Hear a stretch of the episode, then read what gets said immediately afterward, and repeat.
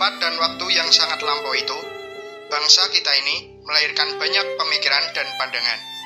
Pemuda-pemuda yang kita sebut kaum terpelajar itu menjadi ujung nasib bangsa kita hingga saat ini.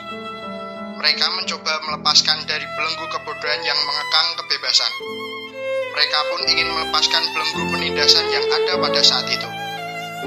Pun juga pada cerita ini, siapa pun tokoh yang ada dalam cerita ini, dia adalah seseorang yang ingin lari, menjauh dari kebodohan,